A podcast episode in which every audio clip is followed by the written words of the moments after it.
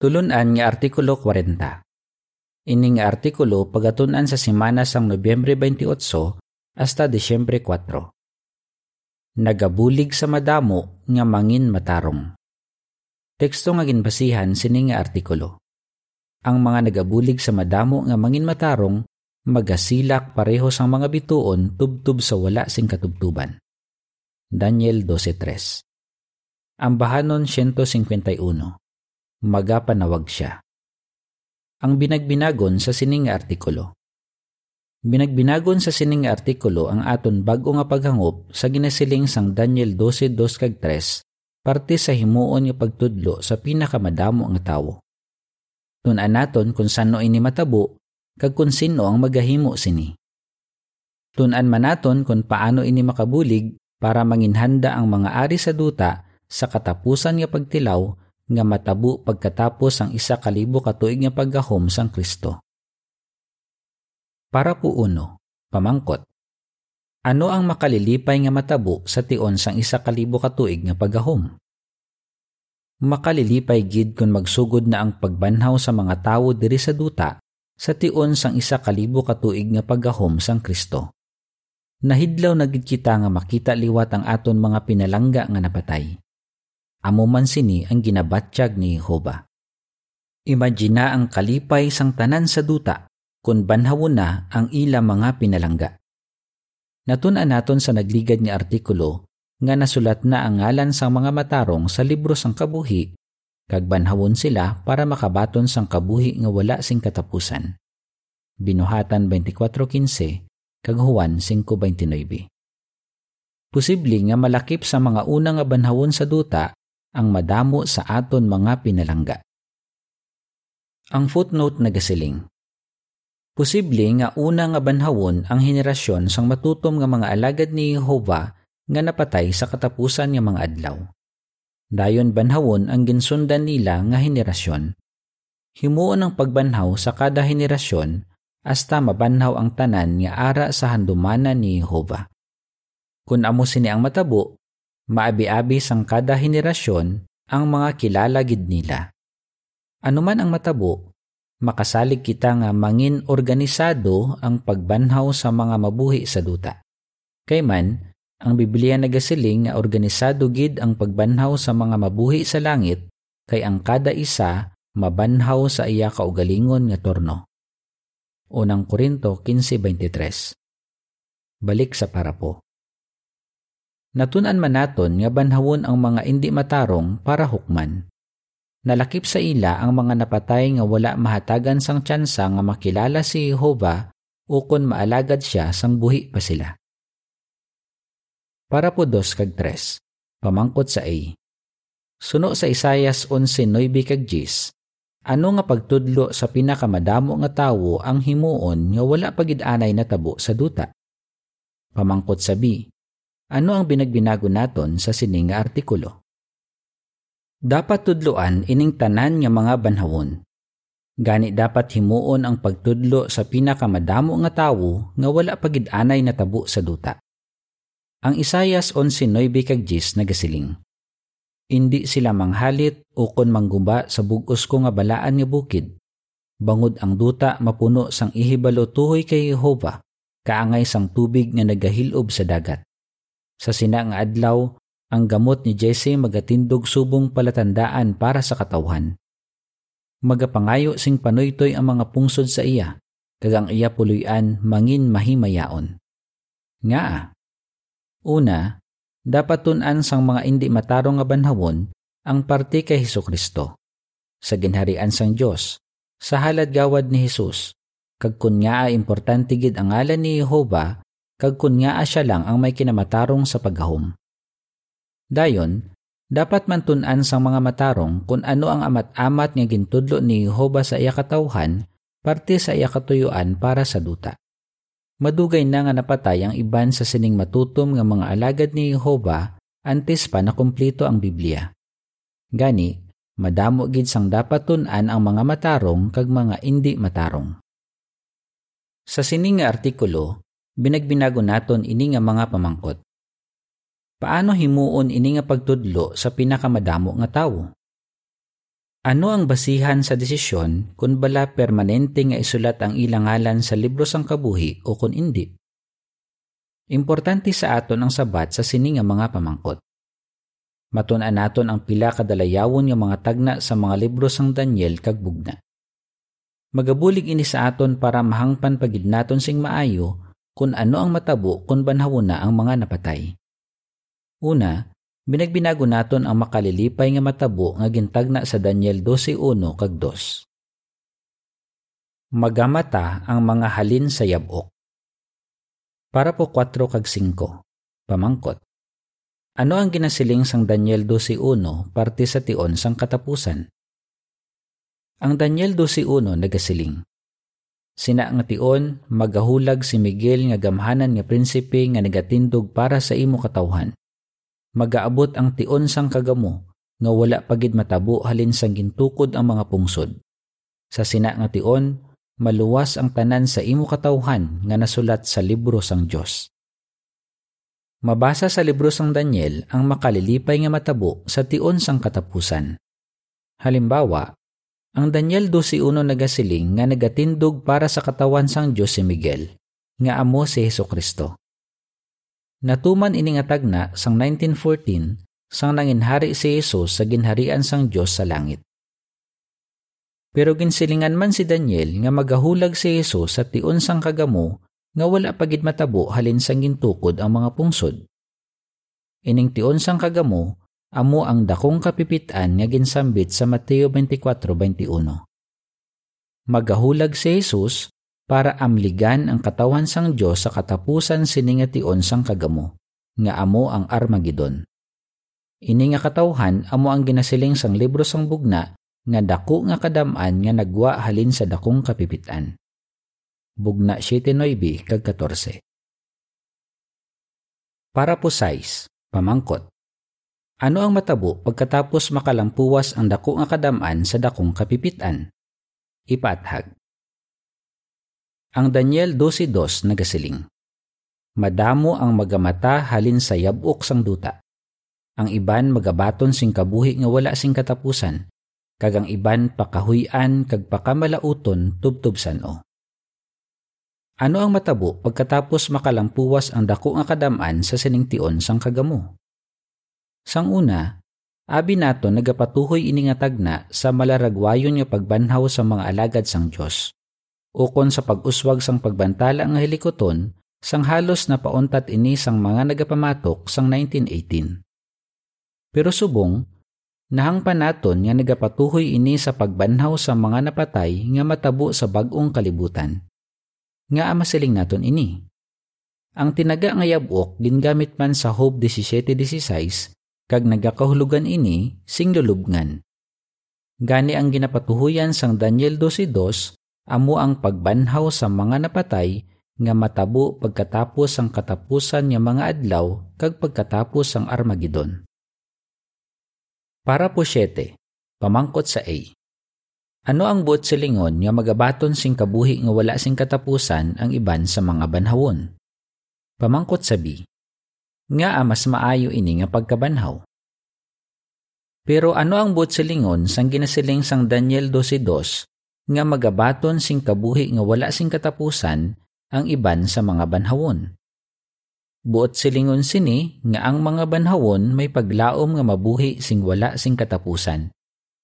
Mabato nila ini kung kilalahon nila o kung padayon nga kilalahon kag tumanon si Jehova kag si Jesus sa tion sang isa kalibo katuig. Mas maayo ini nga pagkabanhaw kung ipaanggid sa naeksperyensyahan sa mga tawo nga ginbanhaw sang una. Hebreo 11.35 Nga ah, bangod ang mga tawo nga ginbanhaw sang una, napatay liwat sang ulihi. Para po otso, pamangkot. Ano ang buot silingon nga pakahuyan kag pakamalauton tubtubsan o ang iban sa mga banhawon? Pero may mga banhawon nga hindi gusto magpatudlo kay Jehova. Gintagna sa libro sang Daniel nga pakahuyan kag pakamalauton tubtubsan o ang iban sa mga banhawon. Bangod magarebelde sila, hindi pagisulat ang ilang ngalan sa libro sang kabuhi kag indi sila magabaton sing kabuhi nga wala sing katapusan. Sa baylo, paka malauton sila tubtubsan o, o kon laglagon sing bugos. Gani ginapatuhuyan sang Daniel 12.2 ang matabo sa ulihi sa tanan nga banhawon. Kag depende ini sa himuon nila pagkatapos sila banhawon. Ang iban mabuhi sing wala sing katapusan, pero ang iban laglagon. Ang footnote na gasiling.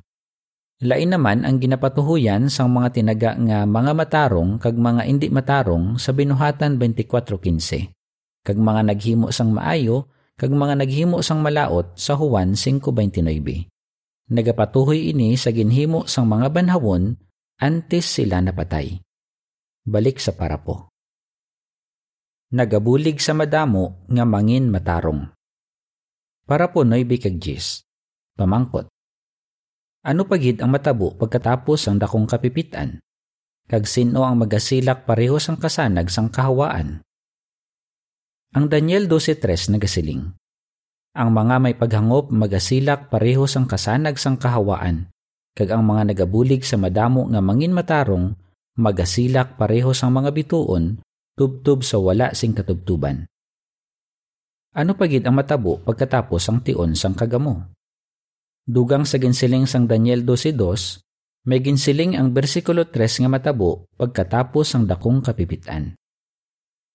Sino ang magasilak pareho sang kasanag sang kahawaan? Buligan kita sang Mateo 13.43 para mabalaan kung sino sila. Nagsiling si Jesus. Sa sina nga tion, ang mga matarong magasilak sing masanag kaangay sang adlaw sa ginharian sang ila amay. Ginapatuhuyan din ni Jesus ang mga anak sang ginharian, ukon ang iya hinaplas nga mga kauturan, nga magaalagad kaupod niya sa ginharian sa langit. Mateo 13:38. Gani ang ginapatuhuyan sang Daniel 12:3 amo ang mga hinaplas kagang ila himuon sa tion sang isa kalibo katuig nga paggahom. Para po 11 kag 12. Pamangkot. Ano ang himuon sang 144,000 sa isa kalibo katuig? Paano buligan sang mga hinaplas ang madamo nga mangin matarong? Suportahan gid sang mga hinaplas si Heso Kristo sa pagdumala sa pagtudlo sa mga tawo diri sa duta sa isa kalibo katuig.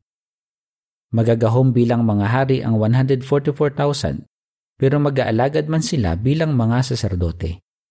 Gani magabulig sila para mag-ayo ang mga pungsod kag para amat-amat nga mangin perpekto ang mga tawo. Bugna 22.1 kag 2. Mangin malipayon gid ang mga hinaplas sa paghimo sini. Sino ang madamo nga buligan nga mangin matarong? Nalakip sa ila ang mga banhawon, ang mga makalampuwas sa Armageddon, kag ang mga bata nga posible nga mabunag sa bag-ong kalibutan. Sa katapusan sang isa kalibo katuig, mangin perpekto na ang tanan nga nagaistar sa duta. Gani, san o permanente nga isulat ang ilangalan sa libro sang kabuhi? Ang caption sang picture nagasiling. Suportahan gid sang 144,000 si Yesu Kristo sa pagdumala sa pagtudlo sa mga tawo sa isa kalibo katuig. Ang katapusan nga pagtilaw. Para po 13 kag 14. Pamangkot. Ano ang dapat ipakita sang tanan nga perpekto nga mga tawo sa duta anti sila makabaton sang kabuhi nga wala sing katapusan? Dapat naton tandaan nga bisan pa perpekto ang isa ka tawo, hindi buot silingon sini nga mabuhi na siya sing wala sing katapusan. Binagbinaga si Adan kag si Eva. Perpekto sila. Pero dapat nila ipakita nga ginatuman nila si Jehovah nga Dios anti sila hatagan sang kabuhi nga wala sing katapusan. Kag makapasubo gid kay wala sila nagtuman sa iya. Ano ang kahimtangan sa mga tao diri sa duta sa katapusan sang isa kalibo katuig? Perpekto na sila tanan. Suportahan bala sang tanan nga perpekto nga mga tawo ang paggahom ni Jehova sing wala sing katapusan? O kon mangin pareho bala kay Adan kagay ebang iban sa ila nga nangin hindi matutom bisan pa perpekto sila. Dapat masabat ini nga mga pamangkot. Pero paano? Para po 15 kag 16. Pamangkot sa A. Sano hatagan sang tsansa ang tanan nga tawo para ipakita nga matutom sila kay Jehova? Pamangkot sa B. Ano ang matabo pagkatapos sini nga pagtilaw? Gapuson si Satanas sa sulod sang isa kalibo katuig. Gani hindi na niya mapatalang ang mga tawo. Pero pagkatapos sang isa kalibo katuig, buyan si Satanas. Tinguhaan niya nga patalangon ang perpekto nga mga tawo. Sa siningation, may tsansa ang tanan nga perpekto nga mga tawo para ipakita nga ginapadunggan nila ang ngalan sang Dios kag ginasuportahan nila ang iya paggahom. Nagadepende sa himuon sang kada isa kun bala permanente nga isulat ang iyang ngalan sa libro sang kabuhi. May pila ka tawo nga mangin indi matutom pareho kay Adan kag kay Eva, kag isikway nila ang paggahom ni Jehova. Ano ang matabo sa ila? Ang bugna 2015 nagasiling. Ang bisan sino nga wala masapwan nga nasulat sa libro sang kabuhi, gintagbong man sa linaw nga kalayo.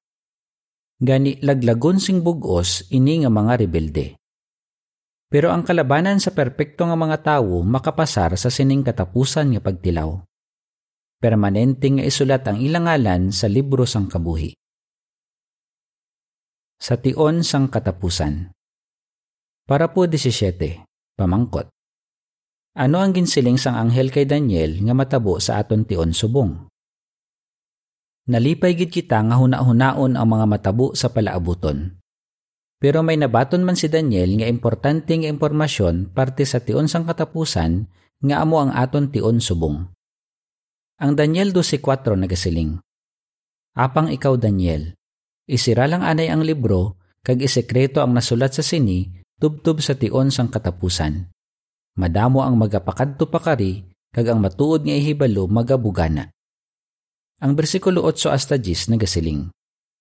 Wala ko mahangpan ang ako nabatian, gani nagpamangkot ako. O ginoo ko, ano ang mangin katapusan sining tanan nga butang? Nagsiling siya. Lakat ka Daniel, kag isira lang anay ang libro, kag isekreto ang nasulat sa sini tubtob sa tion sang katapusan Madamo ang magatinlo kag magapaputli sang ila kaugalingon kag pagatilawan. Ang mga malauton magahimo sing malaot. Wala gid sing malauton nga makahangop sini. Apang ang mga may paghantop makahangop sini. Nagsiling ang anghel kay Daniel. Ang matuod nga ihibalo magabugana. Buot silingon, mas mahangpan pagid sing maayos ang katawan sang Dios ang mga tagna sa libro sang Daniel Nagsiling man ang anghel nga sa siningation ang mga malauton magahimo sing malaot. Wala gid sing malauton nga makahangop sini. Para po 18. Pamangkot. Ano ang dali na lang matabo sa malain nga mga tawo? Subong, daw wala ginasilutan ang malain nga mga tawo sa ila malain nga ginahimo. Pero dali na lang hukman ni Jesus ang mga tawo nga pareho sa mga kanding kag painon niya sila sa mga tawo nga pareho sa mga karnero. Hindi makalampuwa sa dakong kapipitan ining malain nga mga tawo, kag hindi sila pagbanhawon para mabuhi sa bagong kalibutan. Wala ang ilang ngalan sa libro nga nagaunod sang mga ngalan nga ginadumdum sang Dios nga ginsambit sa Malakyas 3.16. Para po 19. Pamangkot. Ano ang dapat naton himuon subong kag ngaa? Dapat naton pamatud-an subong paagi sa aton ginahimo nga wala kita nalakip sa malain nga mga tawo. Ang Malakyas 3.16 hasta 18 nagasiling. Gani, naghambalanay ang mga nagakahadlo kay Jehova. Kag si Jehova padayon nga nagapamati sing maayo sa ila.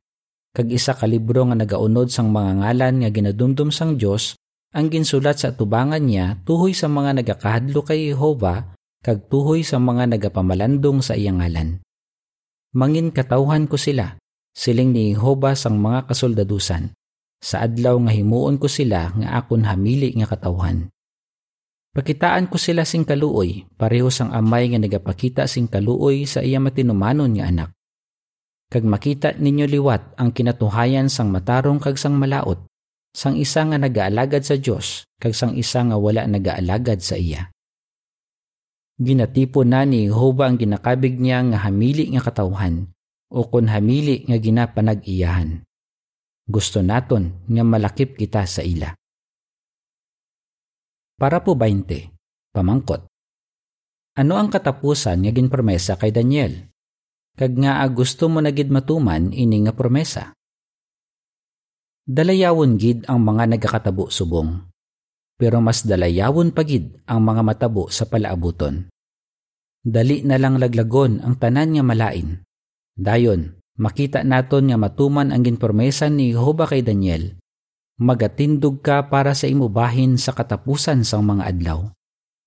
Daniel 12.13 Sigurado nga gusto mo nagid mag-abot ang tion nga magatindog ukon mabuhi liwat si Daniel kagang imo mga pinalangga. Gani, himuang imo bugos nga masarangan subong nga mangin matutom kag makasigurado ka nga permanente nga isulat ni Jehova ang imo ngalan sa iya libro sang kabuhi.